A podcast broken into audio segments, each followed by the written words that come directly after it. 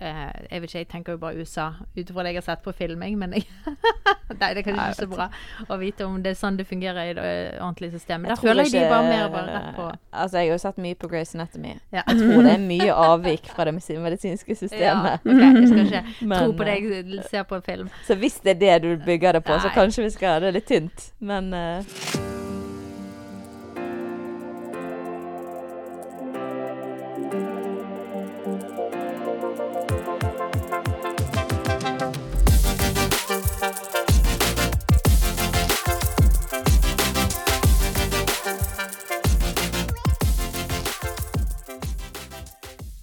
Hjertelig velkommen til Mammas hjerte podkast. Så kjekt du lytter inn.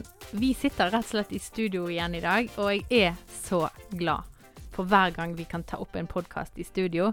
Eh, det gir meg så mye glede å sitte ansikt til ansikt med andre mennesker. Og å slippe legging. Og Det gir også glede. ikke minst. Så, eh, så vi er altså på plass igjen, og i dag har vi faktisk med oss eh, en av våre faste, faste inventarmennesker i Mammas hjerte. Rebekka er her i dag. Uhu. Veldig kjekt, Rebekka, å ha deg her i studio. Ja. Første gangen. Det er første gangen, fordi at du var eh, Vi har jo hatt en podkast med deg før, eh, og den handler om dette med å Jobb og sånn. jobbe og sånn. Det var vel rett etter korona, det, så da var det på nett. Det var det jeg kom nett. på, at da Mm. hadde vi den over nett. Ja. Mm.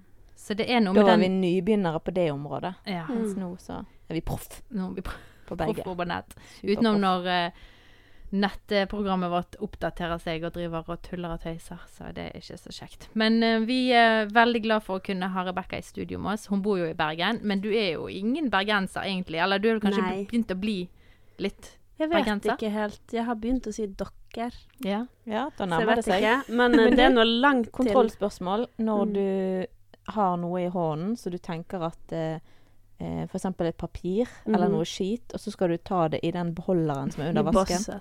I Bosnia. ja. ja. Da er du på god vei. Ja, og Så så eh, Og så har jeg ikke det her R-ene. Den, den kommer du sånn, nok aldri til å få. Tomater. Ja. Ja, nei. Det funker på Hvis det er sånn du har tenkt å si tomater, da foreslår jeg at du sier det på den måten Det er sånn du, det høres ut. du pleier. OK. Kan du si Aurora? Aurora. Aurora.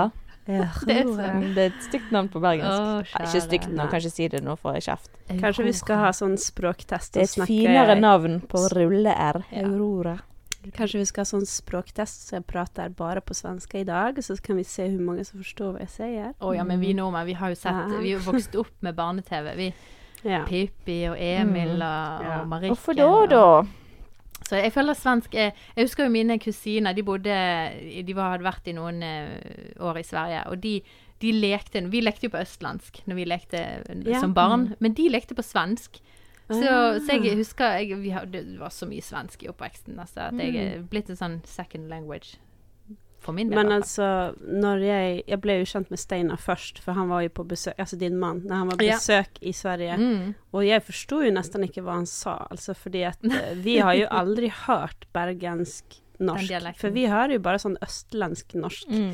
så det var litt nytt for meg. Men jeg har lært meg. Mange som strever med å forstå han, og de har måttet snakke østlandsk, og pent i hvert fall, Ja. når de er der Han snakket sånn her eh, innvandrersvensk. Ja. Fordi vi hengte med noen innvandrersvensker, så var det sånn Yo, bro, Yo. Da forsto jeg. Tidig. Nei, men Det blir spennende prat vi skal ha i dag, litt om rundt det du jobber med, og det skal vi Mm. snakke litt om seinere. Men, men vi har jo fått en eh, mail som jeg nevnte i en tidligere podkast, om eh, en herlig dame som har sendt oss eh, opptil flere dilemmaer, eller flere problemstillinger, som hun ville at vi skulle drøfte. Og i dag skal vi ta et av de. I dag skal vi sette de. Og jeg vet Så hvem det er. folkens. Hun Du er, er en meget bra dame. Så bra. Mm.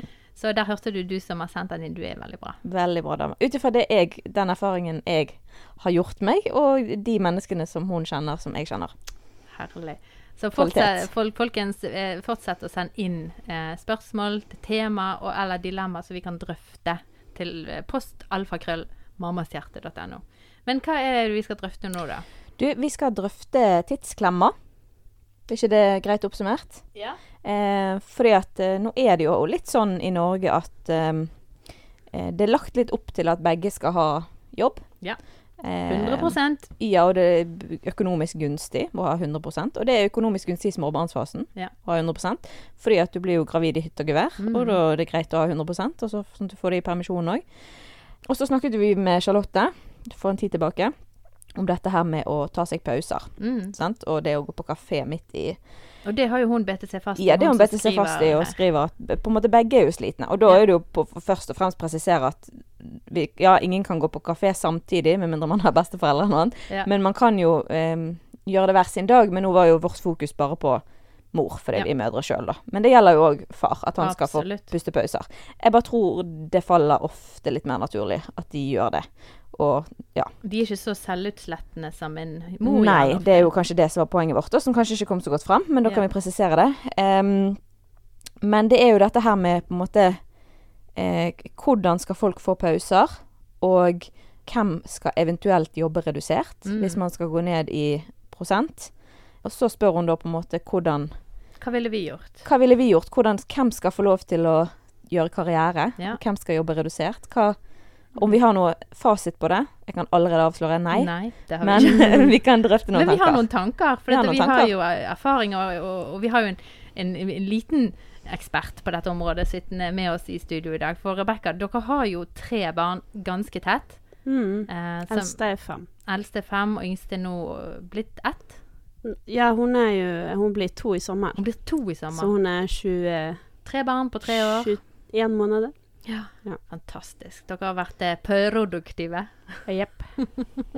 Og, og, og dere har jo jobbet eh, konkret med akkurat dette som hun spør om her, da. Eh, Mm. Vet jeg litt sånn backside information. Inside information. Du skal få lov å go first. Hva, hva tenker du om dette her? Ja. um, det første jeg tenker er jo at det er veldig individuelt. Altså hvordan man er skrudd sammen, og hva man trenger. Meg og min mann, vi er begge to veldig engasjert. Liker å gjøre mye, har mange baller i luften, liker å være engasjert i ting. Men det er en ganske vesentlig forskjell på kapasitetsnivå på Mm. oss to, fordi han er litt av en maskin. Ja, på hjemmebane, da? Er det litt Ja, sånn forskjell? generelt. Altså, han, han klarer å ha en fulltidsjobb, var politisk engasjert, var engasjert i menighet, gjør et eller annet ekstra i tillegg, og ikke klikker på barnen fordi han er over Altså, det, det tar veldig lang tid før han blir liksom utbrent. Han har mye energi. Han har ganske høyt Ja, han har høyt energinivå. Og så er han litt mer ekstrovert enn meg. Jeg er sånn at jeg blir sliten av å være ekstrovert. Hvis jeg har hatt en ekstrovert dag på jobb, der jeg har hatt møte etter møte etter møte, etter møte, Mm. da kan jeg være sånn at jeg bare ikke tåler barna når jeg kommer hjem. Altså mm. litt Ja. sånn Leave me alone, Ja, please. lunten Gi meg litt. Ja. Gi meg litt space. Men det kjenner jo jeg veldig igjen, Ja. må jeg si. Ja. Uh, så det gjør jo kanskje at sånn generelt så Og det har vi egentlig snakket om faktisk i det siste. Det var jo med deg og Steinar vi snakket om det. At vi har liksom konkretisert at OK, sånn generelt så trenger jeg litt mer pause enn hva han Mm. gjør. Og det blir bra for han òg. Mm. Fordi at hvis jeg får litt pause, så blir det litt bedre stemning, og så eh, Ja. Um, Så det handler jo egentlig ikke om at man skal på, på poengskårtavlen eller på pauseskårtavlen ha like mye, like på en måte akkurat de samme tingene, men det handler jo om Mm. å, å, snakke om hva er det hva er det du har behov for, sant? Og behovene kan være så sprikende og så forskjellige. Eh, Ja. Men prøve at begge to får møtt noen sånne eh, innertierbehover hele tiden. At man Mm. liksom At du får tatt deg pause, han får gjort noe som på en måte han Han har noen andre ting han trenger, da, å få Ja. Ja. Men så generelt så prøver Så tenker vi litt sånn 50-50 på For eksempel så har vi hver sin sommeren i helgen.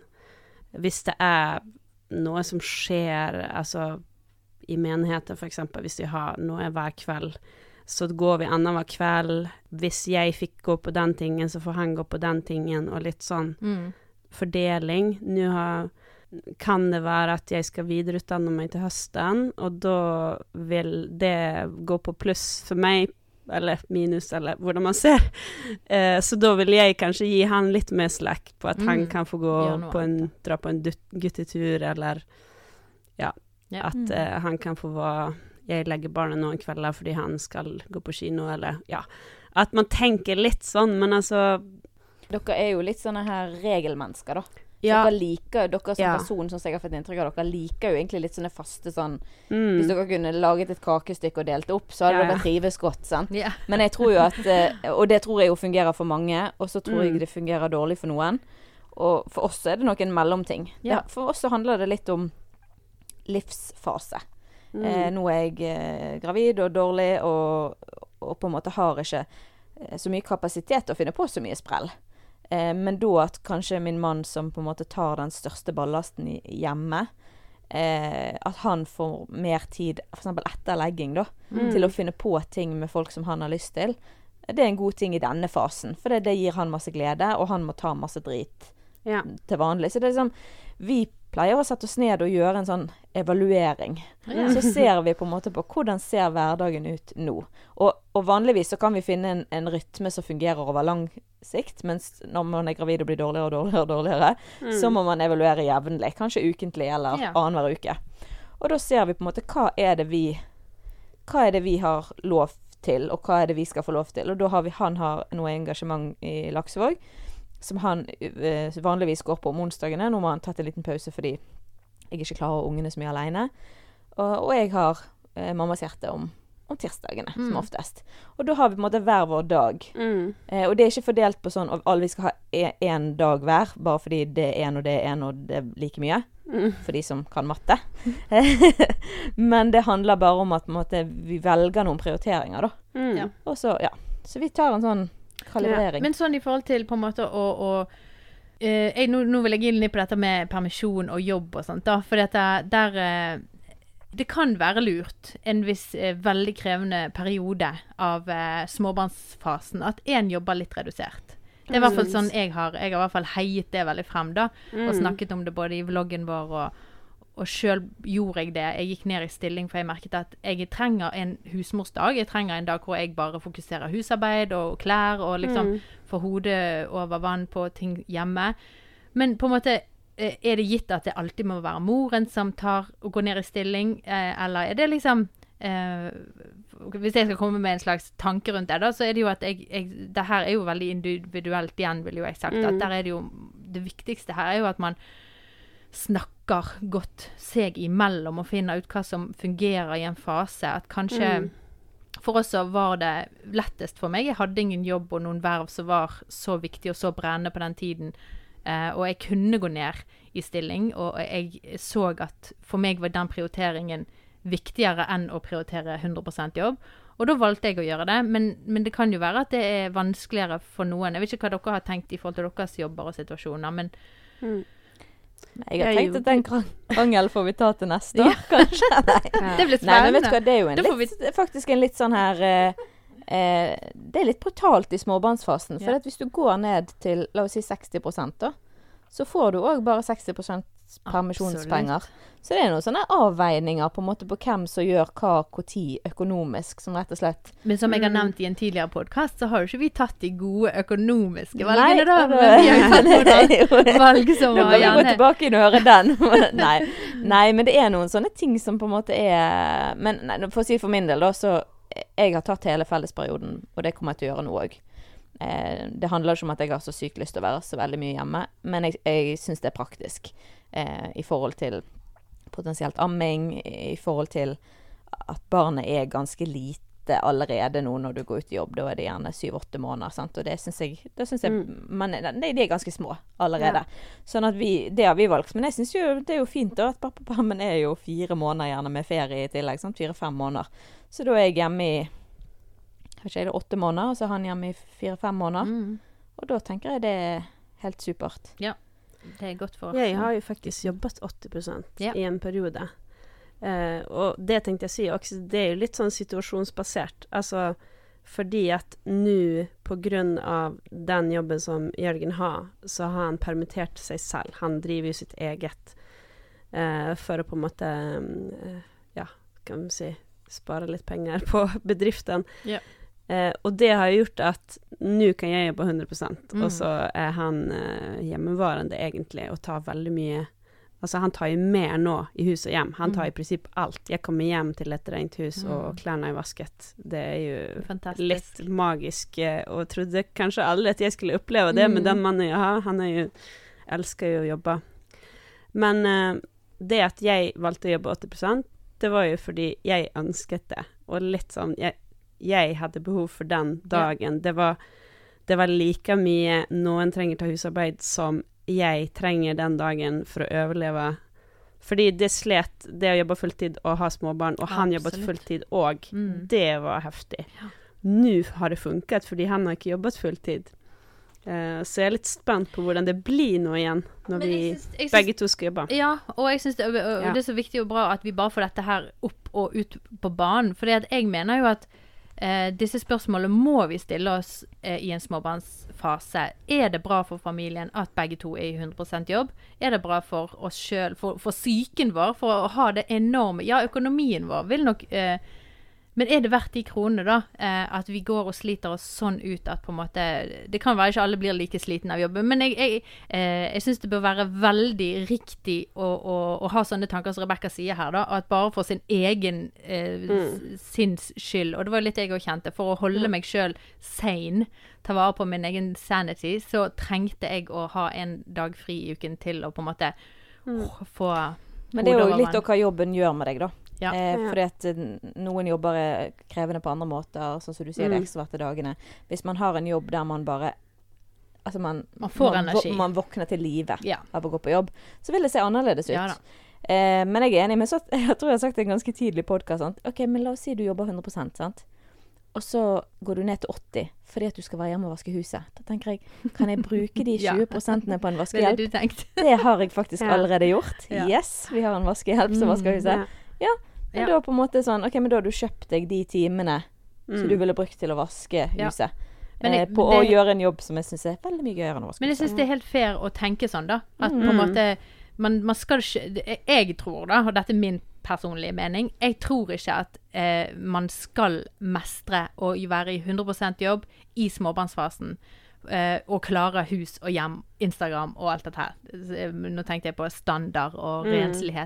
Da, på noen av disse her feltene må man få inn hjelp, innhente hjelp. Enten at man går ned litt i jobb, enten at man eh, Sånn som at uh, type Jørgen er mer hjemme, eller at eh, du leier inn eh, vaskehjelp. Altså Ja. Og dette helt Og dette må vi Det må være greit å snakke om. Man skal ikke legge den der listen med at på en måte jeg, eh, listen er der oppe at du skal klare å, å, å mestre en 100% jobb, rent hus, være sosial, eh, trent Altså alle de tingene går ikke i hånd i hånd med småbarnsfasen. den- Så må du ta den kalibreringen. Ja. Ja, hva vil det si for ettermiddagene våre? Hva vil det si i forhold til engasjementene våre? Altså, man må ta sånne runder, da. Eller så kan man begynne å jobbe i barnevernstjenesten og ha flekstid. Ja. Eller bli ingeniør og ha fleksitid. Ja, ja. Og så eh, noen ganger jobber jeg lange dager, da, for jeg besøker fosterbarn og sånn, og så kan jeg få noen plusstimer. Så av og til så tar jeg en hel dag fri, og det er jo altså deilig. Å var fri når barna går i barnehage, Ja. og bare Nyte passe på dagen. seg selv Ja. litt, Å, så bra. og få energien tilbake. Nei, men Det var jo en veldig fin overgang til eh, det vi skulle snakke om. Eh, jeg håper dere fikk noe ut av eh, vår lille rant om prioriteringer og tidsklemmer. Eh, men, men du jobber jo litt eh, Du jobber jo i barnevernet, Rebekka. Og, Ja. og, og på en måte Jeg har opptil flere ganger eh, møtt på eh, meninger og opplevelser av at barnevernet er en, en, en sånn her stor, svart hånd som bare kommer inn og tar. eh, og røsker ut. Jeg vet ikke, nå, nå skildrer jeg det litt eh, voldsomt og svart her. Men, men media har jo også gjort det. Media har jo på en måte fremmet mange litt negative saker. Og, og, og jeg sjøl har òg kjent på at en vegring for å kontakte og, og melde gjerne bekymringsmelding fordi at jeg er redd for Ja, hva er det som er på andre siden av denne um, telefonsamtalen, eller på en måte er det noe så inngripende som at noen bare vil komme og ta dette barnet, eller på en måte vil ikke den familien få den hjelpen da, enn å bare bli fratatt noe, på en måte, hvis du skjønner hva jeg mener. Så, så vi hadde jo lyst til å snakke litt rundt dette, og gjerne forhåpentligvis eh, stikke hull på en eh, myte som mange, mange tror og har en opplevelse av at barnevernet er noe som ikke Vil barnet vel, kanskje? ja, vil familiene vel? Mm. Uh, for det tror jo jeg virkelig ikke er eh, saken, da. Men det er mange som har den, gjerne den frykten av at Og gjerne òg på en måte legge listen litt lavere med at eh, hvis du ser og opplever noe, så, så ta en telefon. Snakk med noen. Du trenger ikke gjerne melde inn bekymringer, bare snakk med noen for å høre hva er mulighetene her. Um, både for seg sjøl, men òg for andre. Um, men har du lyst til å fortelle oss litt om hva er det du jobber med sånn først og fremst? Det jeg jobber med? Mm. Ja. Jeg er Det kalles for barnets kontaktperson. Mm. Saksbehandler kaller noen det. Men eh, så Det jeg høres er kulere ut med barnets kontaktperson. Ja, jeg er kontaktperson til barn og ungdommer som ikke bor hos sine biologiske foreldre av forskjellige grunner, som enten bor i fosterhjem, på institusjon, eller at de er da over 18 og har vært under barnevernstjenestens omsorg, men har fortsatt oppfølging fra oss. Ja. Det kalles for ettervern.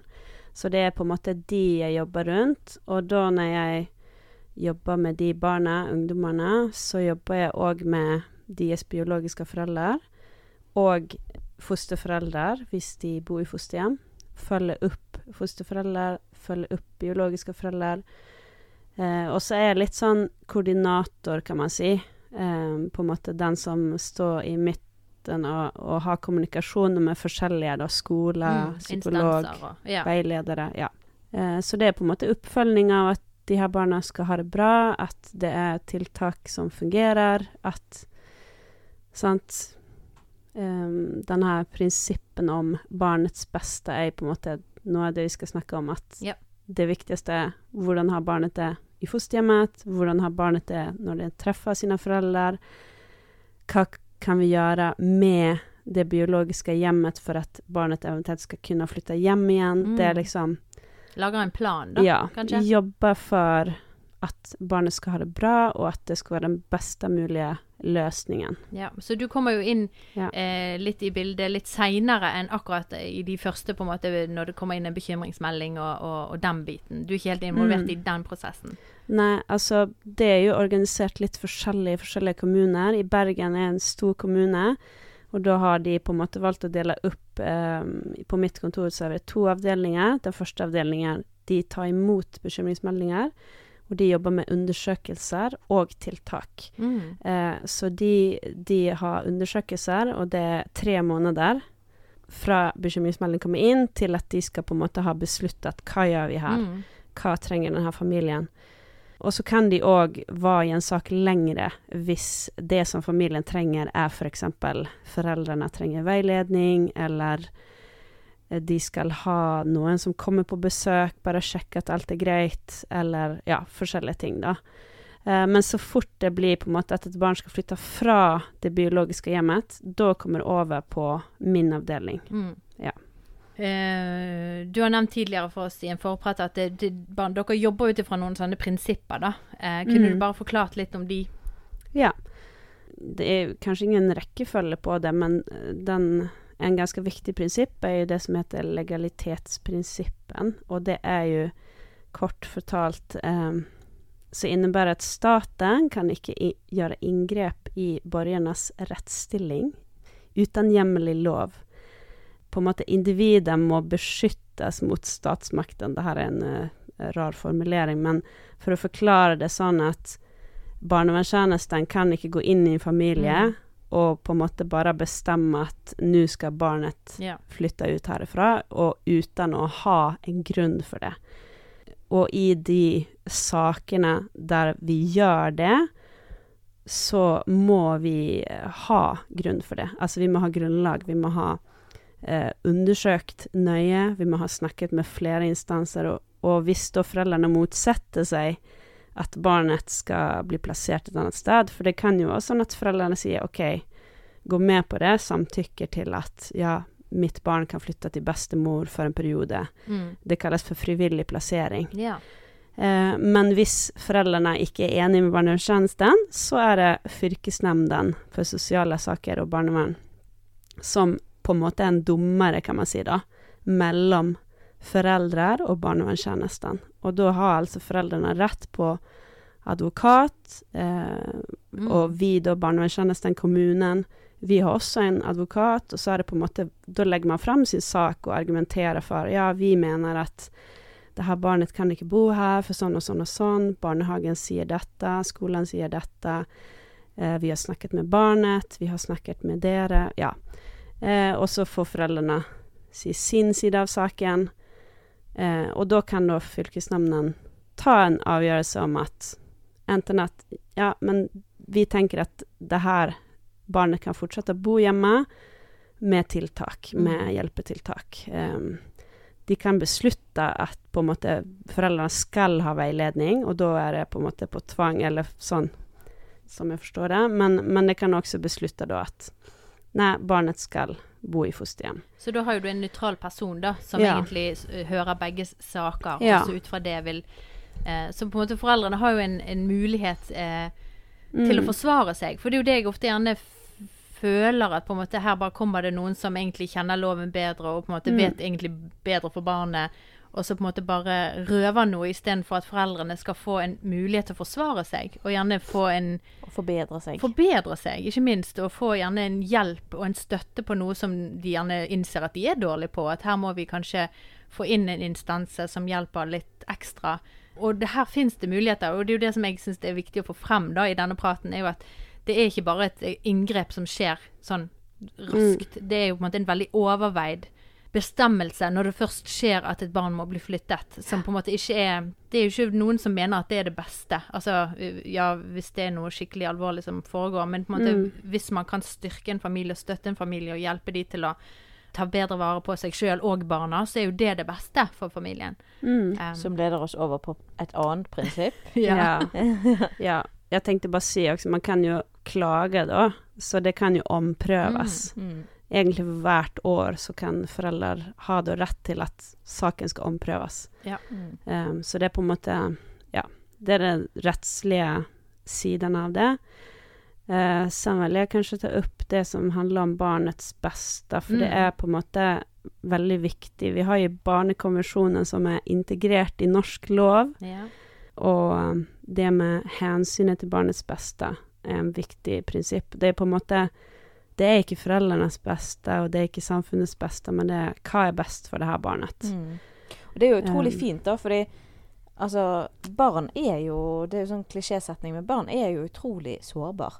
De har jo Mm. ikke ferdig utviklet hjerne. De har ikke evne til å beskytte seg sjøl og forstå hva som er rett og galt. Det er jo det de skal bruke barndommen på å lære.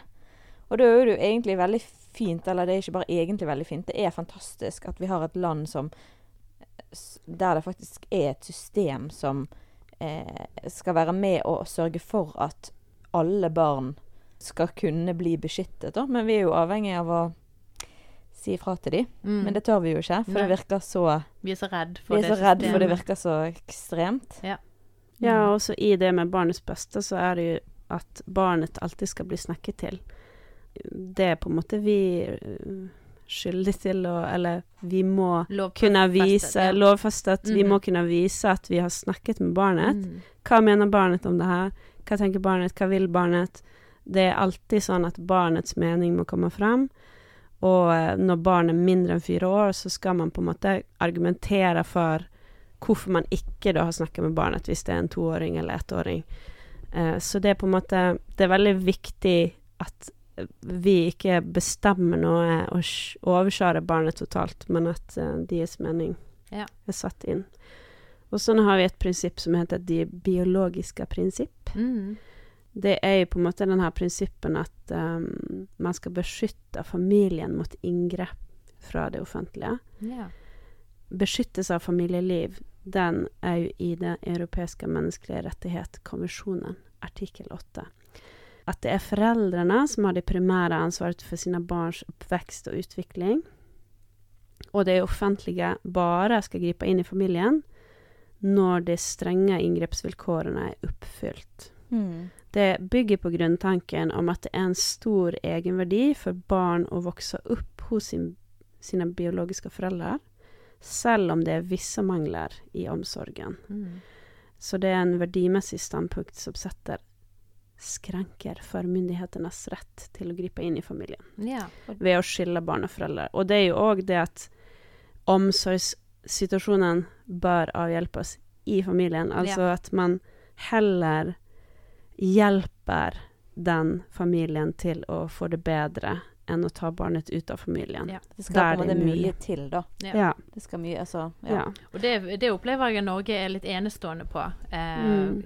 Kanskje ikke i alle caser folk har følt de er blitt møtt på det, da, for, siden det kommer sånne jevnlig saker i media. Men jeg hører jo andre plasser, andre land, så ikke de har gjerne akkurat sånne eh, prinsipp som de jobber ut ifra, så er jo eh, disse tjenestene mye mer eh, Jeg vet ikke, jeg tenker jo bare USA ut ifra det jeg har sett på filming, men jeg Nei, det er kanskje ikke så bra å vite om det er sånn det fungerer i det eh, ordentlige systemet. Der føler jeg de bare mer bare rett på Altså, jeg har jo sett mye på Grace Anatomy. ja. Jeg tror det er mye avvik fra det medi- medisinske systemet. Ja, okay, jeg skal ikke Men, tro på det eh, jeg ser på en film. Så hvis det er det du bygger det på, så kanskje vi skal ha Det litt litt tynt, men uh, Nei, men jeg, Mm. eh, det er jo veldig kjekt å høre at det er et viktig prinsipp, i hvert fall, og at Mm. Norge bygger uh, på det. Mm. Ja, og når det gjelder fosterhjemsplasseringer, så skal jo vi også vurdere biologisk familie.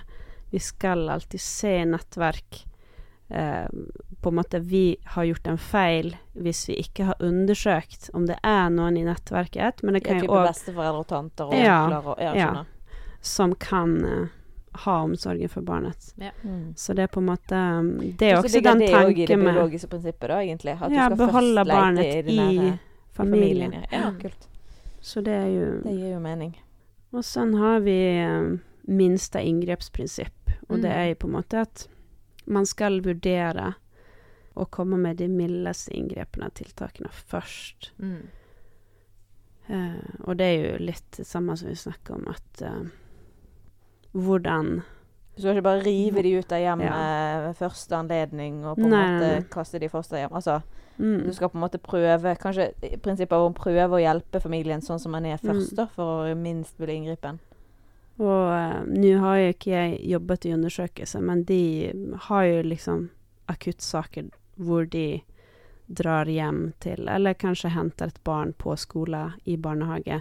Og da er det ganske alvorlig. Mm. Altså da er det på en måte sånn at det er risiko Ja. å la barnet eh, Stor, stor risiko å la barnet fortsette å bo Og i det der. hele tatt man dra hjem, liksom. Ja. Det er liksom Mm. Ja, Mm. og det, det må jo være så alvorlig, fordi at bare det å hente et barn ut på den måten, selv om man prøver å gjøre det på best mulig måte, Uh, men, men liksom situasjoner hvor politi og barnevernvakt kommer inn i leilighet, og det kanskje er, har vært slagsmål, det ingen av foreldrene eh, Begge foreldrene er ruset, Mm. det er blod, det er ting som har blitt knust. Eh, det er jo en traumatisk situasjon for barnet å bli hent, da bli tatt ut, Ja. men allikevel at man vurderer det som at nå er det faktisk det vi må gjøre, selv om bare det å ta barnet ut i den situasjonen og Det å bli hentet av fremmede i Det er jo en skadelig Ja. måte opplevelse, men at man må på en måte veie det mot at ja, men hvordan vil det være å la barnet bli her yeah. nå? Poenget er at det må være ganske alvorlig for Mm. at det skal skje på yeah. den måten, da. Jeg vil jo tro noen barn vil synes det er veldig traumatisk å bli hentet i barnehagen av fremmede. Altså nå, Mm. Vi snakket om det med Ja. han eh, vår yngste. Mm. Han hadde ikke hatt problemer med det. han ble med hvem som helst. Altså, ja, min, nå, han kjenner jo min bror, men min bror kom hjem på påske før. Jeg har ikke sett han siden jul. Han kommer inn døren, og så sier vi skal, har du lyst til å, har du lyst til å gå ut og leke med onkel Chris? Ja. Sånn, han går rett med Godtroende. Ja. Ja, ikke godtroende. Han er eventyrlysten. Det er det som er. Og så kan jeg Ja. Det jeg òg kan si, er jo at eh, Altså, jeg jobber jo da med barn som har blitt Eller foreldre som har på en måte mistet omsorgen Ja. om sine barn. Og vi er jo pliktige til å jobbe mest mulig med disse foreldrene der vi ser at det er mulighet for det, der de selv ønsker det, og der vi på en måte ser at ja, men her har vi noe å jobbe med, vi, vi kan ta noen tak. Um, så er vi pliktige til å jobbe med at eh, foreldrene skal kunne få tilbake omsorgen. Og sånn må vi jobbe. Vi kan ikke tenke at nå har et barn blitt plassert, nå skal de bo der til de er 18. Men vi må alltid vurdere Ja. at um, Barnets beste, kan være mulig for Egentlig. barnet å flytte hjem igjen. Det er Mm. på en måte det, og det som bekrefter jo mitt, mitt ønske, og det som jeg håpte, og det som jeg trodde eh, barnevernet var. Det var jo en sånn som på en måte òg tar hånd om de som sitter igjen. Sant? De som eh, eh, ikke, Det er jo en grunn for at måte man ikke klarer å ta vare på barnet. For man klarer ikke å ta vare på seg sjøl ofte. Mm. Og, eller man er i situasjoner som er så krevende. Og, og da trenger man jo sjøl også hjelp. Eh, Ja. Og det er så godt å høre. Og jeg Og jeg visste jo dette, jeg har snakket med deg og med flere som òg jobber i barnevernet, og, og blitt beroliget for mange år siden, men det, jeg, jeg syns det er så viktig at dette kommer ut der til folk. At folk kan Mm. få høre det du sier, at dette er måten dere jobber på. Dere har et, et helt system som rommer Mm. både et lovverk. et lovverk som rommer både den biologiske familien, fosterfamilien og barna på, den, på en så god måte, da. Jeg Mm. syns det er veldig fint å høre. Trives du i jobben din? Ja, jeg gjør det. Jeg har jobbet i jeg tror det er 16 måneder, Ja. så jeg er jo relativt ny. Um, så jeg har hatt en morspermisjon der innimellom. Men altså, jeg gleder meg til jobb på helgen. Altså, jeg gleder meg til mandag, og nå har jeg hatt påskeferie. Så Å, så kjekt å gå på jobb. Jeg syns det er veldig kjekt. Men du ser jo sikkert og møter, siden du står i de sakene hvor det, det har gått så langt at for, de er Mm. blitt gjerne omplassert, og, og, og kjenner du Blir det for tungt? Blir det for tøft å stå i på en måte gang på gang, dag på dag, sak på sak? Jeg var litt innstilt på at det skulle bli veldig tøft, og var litt usikker på om jeg skulle klare det, for jeg er en veldig følsom person. Altså, jeg, Mm. kan, jeg leser jo ikke avisene fordi at jeg kan jo bli helt ødelagt av det. Eh, så jeg var litt spent på det. Men det går faktisk veldig greit. Men jeg tror kanskje at Jeg har ikke jobbet i undersøkelser, men jeg tror at det er en del tøffere, altså. Mm. Fordi eh, de ser når det ikke er bra, på en måte Mm. jeg får gjerne ha Altså, jeg får ha en historie om hvordan det har vært. Ja, riktig. Sånn her var det, men nå er det sånn her. Eh, så jeg får på en måte møte barn som har det veldig bra, som har, får skikkelig Jeg mener da mine, mine fosterfamilier er utrolig flinke og er veldig omsorgsfulle og bruker all sin energi og kraft på det her barnet som de har fått til seg, Mm. og uh, vender ut og inn på seg selv for å få det til. Mm. Og det er vanskelig. En Mm. utfordrende oppgave å være fosterforelder. Men de har fått det til. Det har skjedd en forandring. Man kan på en måte lese i saken hvordan barnet var uh, første tiden, første året de bodde der. uh, og så at det har skjedd en positiv Mm. forandring. Så det er jo veldig oppmuntrende, Ja, da. ja, ja. Å Det er jobbe på meningsfullt, på en måte.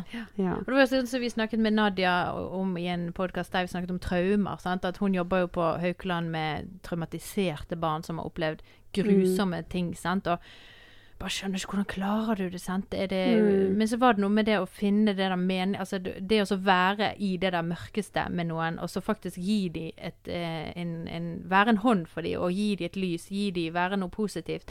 Det er så Mm. meningsfylt da, at på en måte da, da eh, Selvfølgelig, hun hadde jo noen dager som var ganske rimelig tøffe, men, men allikevel så kjente hun på den eh, enorme takknemligheten av å kunne være på den Mm. plassen, da.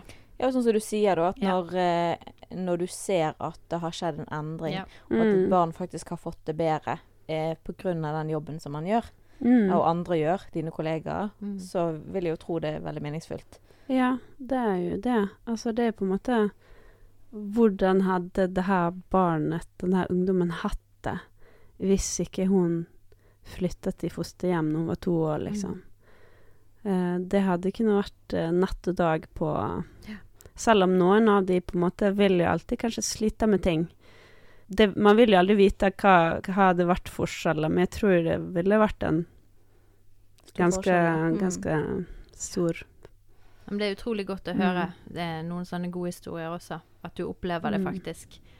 Men klarer du å legge fra deg dette når du kommer hjem, og med dine, og når du ser på din Eller går du og liksom analyserer alt og er litt sånn barne... Vernet på hjemmebane òg? Um, altså, det som er Nå snakker jeg om mine egne barn. Når, det som er tøft, det er når jeg leser meg opp på nye saker, for da leser man på en måte alt fra starten, vært, ja. alt som har vært, bekymringsmelding som har kommet inn, hva barnehagen kanskje har sagt, hva skolen har sagt, hvordan eh, Og da om det tilfeldigvis er en gutt på fem år Mm. eller en jente på to som har opplevd ditt og dette, da det, da tar det tak i følelsene. Men sånn eh, det som, eh, det som kan være vanskelig, er på en måte Det er noen vanskelige problemstillinger av og til. eller Det dykker opp problemstillinger. Det skjer noe som gjør at Oi, nå må vi beslutte noe. Nå må må vi Et eller annet eh, må løses. Eh, og så går man liksom og bærer på de der tankene og Mm. liksom sånn der. Men da har jeg veldig behov for eh, Eller det som hjelper meg, er jo å snakke med min leder, da. Mm. Avdelingsleder, veldig flink avdelingsleder. Og at man kan snakke med kolleger. Eh, altså hvis man har fått Ja, en vanskelig vanskelig samtale, Riktig. at man kan ta det der og da. Ja. Fordi jeg vet at når jeg kommer hjem, så kan jeg ikke snakke med Jørgen om det. Ja. Jeg kan bare si jeg har hatt en vanskelig dag, eller jeg har hatt et vanskelig møte, men jeg kan ikke si noe mer. Eh, og det her å bare kunne lufte det med leder og kolleger er veldig viktig, for å bra. kunne legge det litt vekk. Men- ja. Ikke sikkert at dette er noe som du har lyst til å svare på, men det bare slo meg. Hvordan er det når du Så leste jeg opp på en sak, da, og så har det skjedd helt grusomme ting. Og så Mm. skal du på en måte samarbeide med disse foreldrene. Mm. Hvordan, hvordan takler du det? Det. Har du liksom lyst til å dytte de, eller har du liksom Um, lyst til å vise nåde? uh, prøv å tenke her. Jeg har ikke Jeg har ikke noen sånn eh, Jeg tenker egentlig ikke over det. Altså Nå kommer du til å tenke på det. Har jeg Um, ødelagt for deg. det var sånn herlig. Nei, men altså Det jeg kan si eh, i møte med de her foreldrene Ikke alle, men altså noen foreldre, så, så merker du med en gang at det her er Du sitter foran en person som har opplevd mye vondt. Ja. Det er jo veldig mange tilfeller. Eh, kanskje du vet det, kanskje de har sagt det, eller så kan du se det Mm. på en måte, det her er en person som sliter, det her er en person som har det vondt, og sannsynligvis er det veldig mange grunner til at den personen har kommet til det stedet Mm. der de er. Det kan være mange problem inni bildet. Det kan være arbeidsløshet, det kan være rus, det kan være psykisk uhelse. Ikke alle ganger, det er ikke sånn for å lage en sånn generell bilde, men ofte kan det være de tingene. Så da føler jeg faktisk mer empati Mm. enn d- liksom At det er lett, på en måte, lett å forstå hvorfor Ja, det har gått galt. Da, måte. på en måte. Mm. Ja, på en måte liksom Ja, men jeg kan på en måte forstå at du ikke fikk det til. Mm. Og at hvis jeg hadde levd ditt liv, så kanskje ikke jeg heller hadde Mm. fått det til. Mm. Og så tror jeg kanskje at den synet på mennesket er ganske godt å ha. At man på en måte ikke dømmer ja, men du er en dårlig menneske, du har liksom ikke tatt hånd om dine barn. Men heller ser det som at OK, nei, du har ikke tatt hånd om dine barn, men det var ingen som tatt, tok vare på deg. Du visste ikke hvordan man gjorde det, du visste ikke hvordan du skulle få det til, eller du slet så mye med angst at du hadde nok å overleve Mm. selv. Så litt mer når du, når du ser den personen, når du møter den personen, så får du litt mer forståelse. Hvis du leser om det, så kan det være sånn Seriøst, Hvem du? hvem kan gjøre sånn Ja. mot sitt barn? Mm. Sant? Men ja. Mm. Ja, for jeg var jo på, når jeg på bibelskole, så var vi på sånn team i fengsel. Men da Mm. fikk ikke hun vite hva folk hadde gjort gale, da.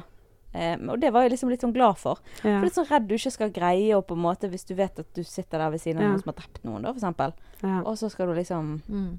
greie å Mm. å liksom Se forbi Ja, se det. saken, da. Ja. Og ikke på en Ja. måte ta det sånn at du blir sur og liksom Det er jo en kunst, tenker jeg. Ja, ja, ja. Mm. Nei, men jeg, det var jo utrolig. Jeg ble helt eh, berørt her, Rebekka, når du forteller måten du møter Altså, eh, det er jo sånne mennesker som jobber i, på rette plasser, tenker jeg. Altså, Mm. det er sånne mennesker vi har i barnevernet, som, som faktisk til og med klarer å se forbi disse vonde sakene som har skjedd, men faktisk kan møte mennesker da, på, på deres grusomhet. Og vi trenger sånne mennesker. Ja. Så du er på rett plass. Ja, Tommel opp! Grine, grin! ja, ja. Men òg det å Vi snakket om det liksom mellom kolleger, da, at vi har jo veldig mye På en måte, jeg kaller det for nåde, jeg vet ikke om det er et ord som folk bruker, men at liksom noen ringer og bare Åh, liksom skjeller en ut, og uh, Ja, av og til har jo det skjedd. Um, og så er jeg litt sånn Ja, nå gikk du ned på tre års alder, på en måte, og så Ja, men det er bedre i morgen, så neste gang vi snakker, så er det god tone. Og så har man på en måte litt sånn. Ser litt mellom fingrene, fordi at Ja, men det er en grunn for at du har mistet omsorgen. Det er på en måte Livet er ikke lett. Mm. Du sliter med angst, og du sliter med ditt og datteren, og selvfølgelig hater du barnevernstjenesten. Det hadde sikkert jeg også gjort, og så på en måte kan man tåle det litt. Ja. Ja, og, og noen gang så Når noen sitter og sier til meg Men du skjønner ikke. Mm. Du skjønner ikke. Ingen har tatt ditt barn fra deg. Hvordan det hadde vært for deg hvis, hvis noen hadde kommet inn og tatt ditt barn? Og, Mm. og så må jeg bare si Nei, vet du, jeg forstår ikke. Men jeg forstår at det er veldig vondt. Mm. Og så bare anerkjenne deres følelser. At Ja. det er helt reelt. Og jeg forstår, at, jeg forstår at du er sint på oss. Jeg forstår. Men ja. Mm. Mm. Um, og det kan jo være akkurat det som de trenger, da. Ja. Um. Å bli møtt av en sånn kjærlighet, da. Nei, utrolig sterkt å høre, Rebekka. Og eh, ja, jeg kjenner at det, det er godt å høre hvordan eh, Hvilke folk som jobber der, bare først og fremst. Men òg bare hvordan systemet er lagt opp og skrudd sammen. Eh, og at vi kan med god tro eh, kontakte eh, barnevernet og, og folk som jobber der. og og om så, som jeg begynte, så kan vi om så bare ringe for å rådføre oss ja, det kan man Eh, altså. Man, før man melder en bekymringsmelding. Man kan Mm. eh, fordi vi ser, vi skal jo alle være ansvarlige voksne, som vi snakker om i en annen podkast igjen. Men dette med å kunne være en trygg voksen rundt barn, og da følger jo vi med. Vi ser jo ting og oppdager ting. og og Mm. ja, ja da, folk gjør jo ikke alt på samme måte som vi gjør. og Vi skal jo ikke melde enhver hver liten skitten sokk eller hullete strømpebukse. Men, men når, vi, Mm. når vi gjentatte ganger ser noe som ikke er greit, eh, det går jo Vi vil jo kjenne hva grensen er. mm, Så en- syns jeg vi bør ringe og ta en telefon. Ja, for det er et ganske stort gap mellom å være mamma og politi Ja. og faktisk å varsle at Mm. noe er faktisk er rivruskende galt. Ja. ja, og så tenker jeg på en, eh, et scenario som du tok opp, som kunne være da at man uh, sliter med en krise i familien. Ja. Noen har blitt alvorlig syk. Kanskje den ene uh, forelderen uh, har kancer, Mm. dødssyk, og man kanskje ikke har nettverk rundt seg, Ja. og alle de tingene. At det å ringe og si altså, vi trenger hjelp, det er litt mye. For det fins hjelp å få. Ja. Det fins tiltak. Det fins altså sånne her eh, besøkshjem, da. At barnet kan få komme vekk en helg i måneden, og så får foreldrene puste litt. Altså, det handler egentlig bare om å ha en samtale med barnevernstjenesten. Altså, det er ikke alltid sånn ord mot ord, og noen skal vinne kampen, men det er jo Vi vil jo samarbeide med Ja. Målet vårt er jo å samarbeide med familiene og med foreldrene.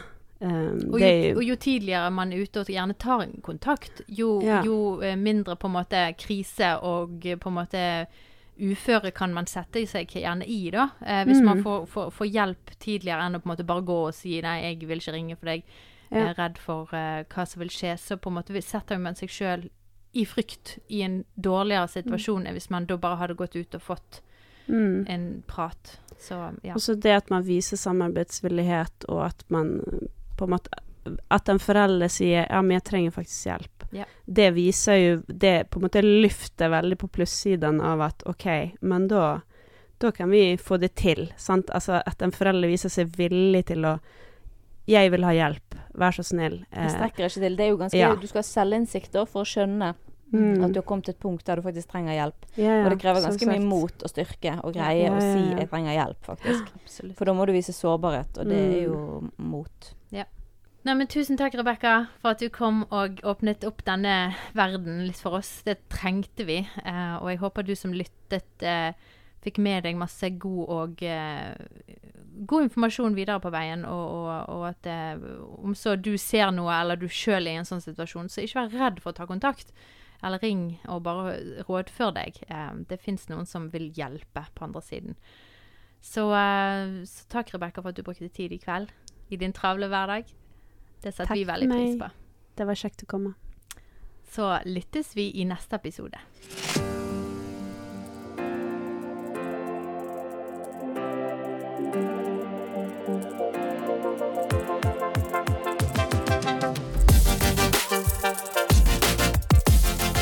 Hvis du har noen tilbakemeldinger, tanker, følelser eller reaksjoner etter det vi har snakket om i dag, så har vi veldig lyst til å høre de. Eh, vi svarer alle mail vi får. Da kan du skrive en mail til postalfakrøllmammashjerte.no. Denne podkasten er laget i samarbeid med Tro og Media og Familiesenteret.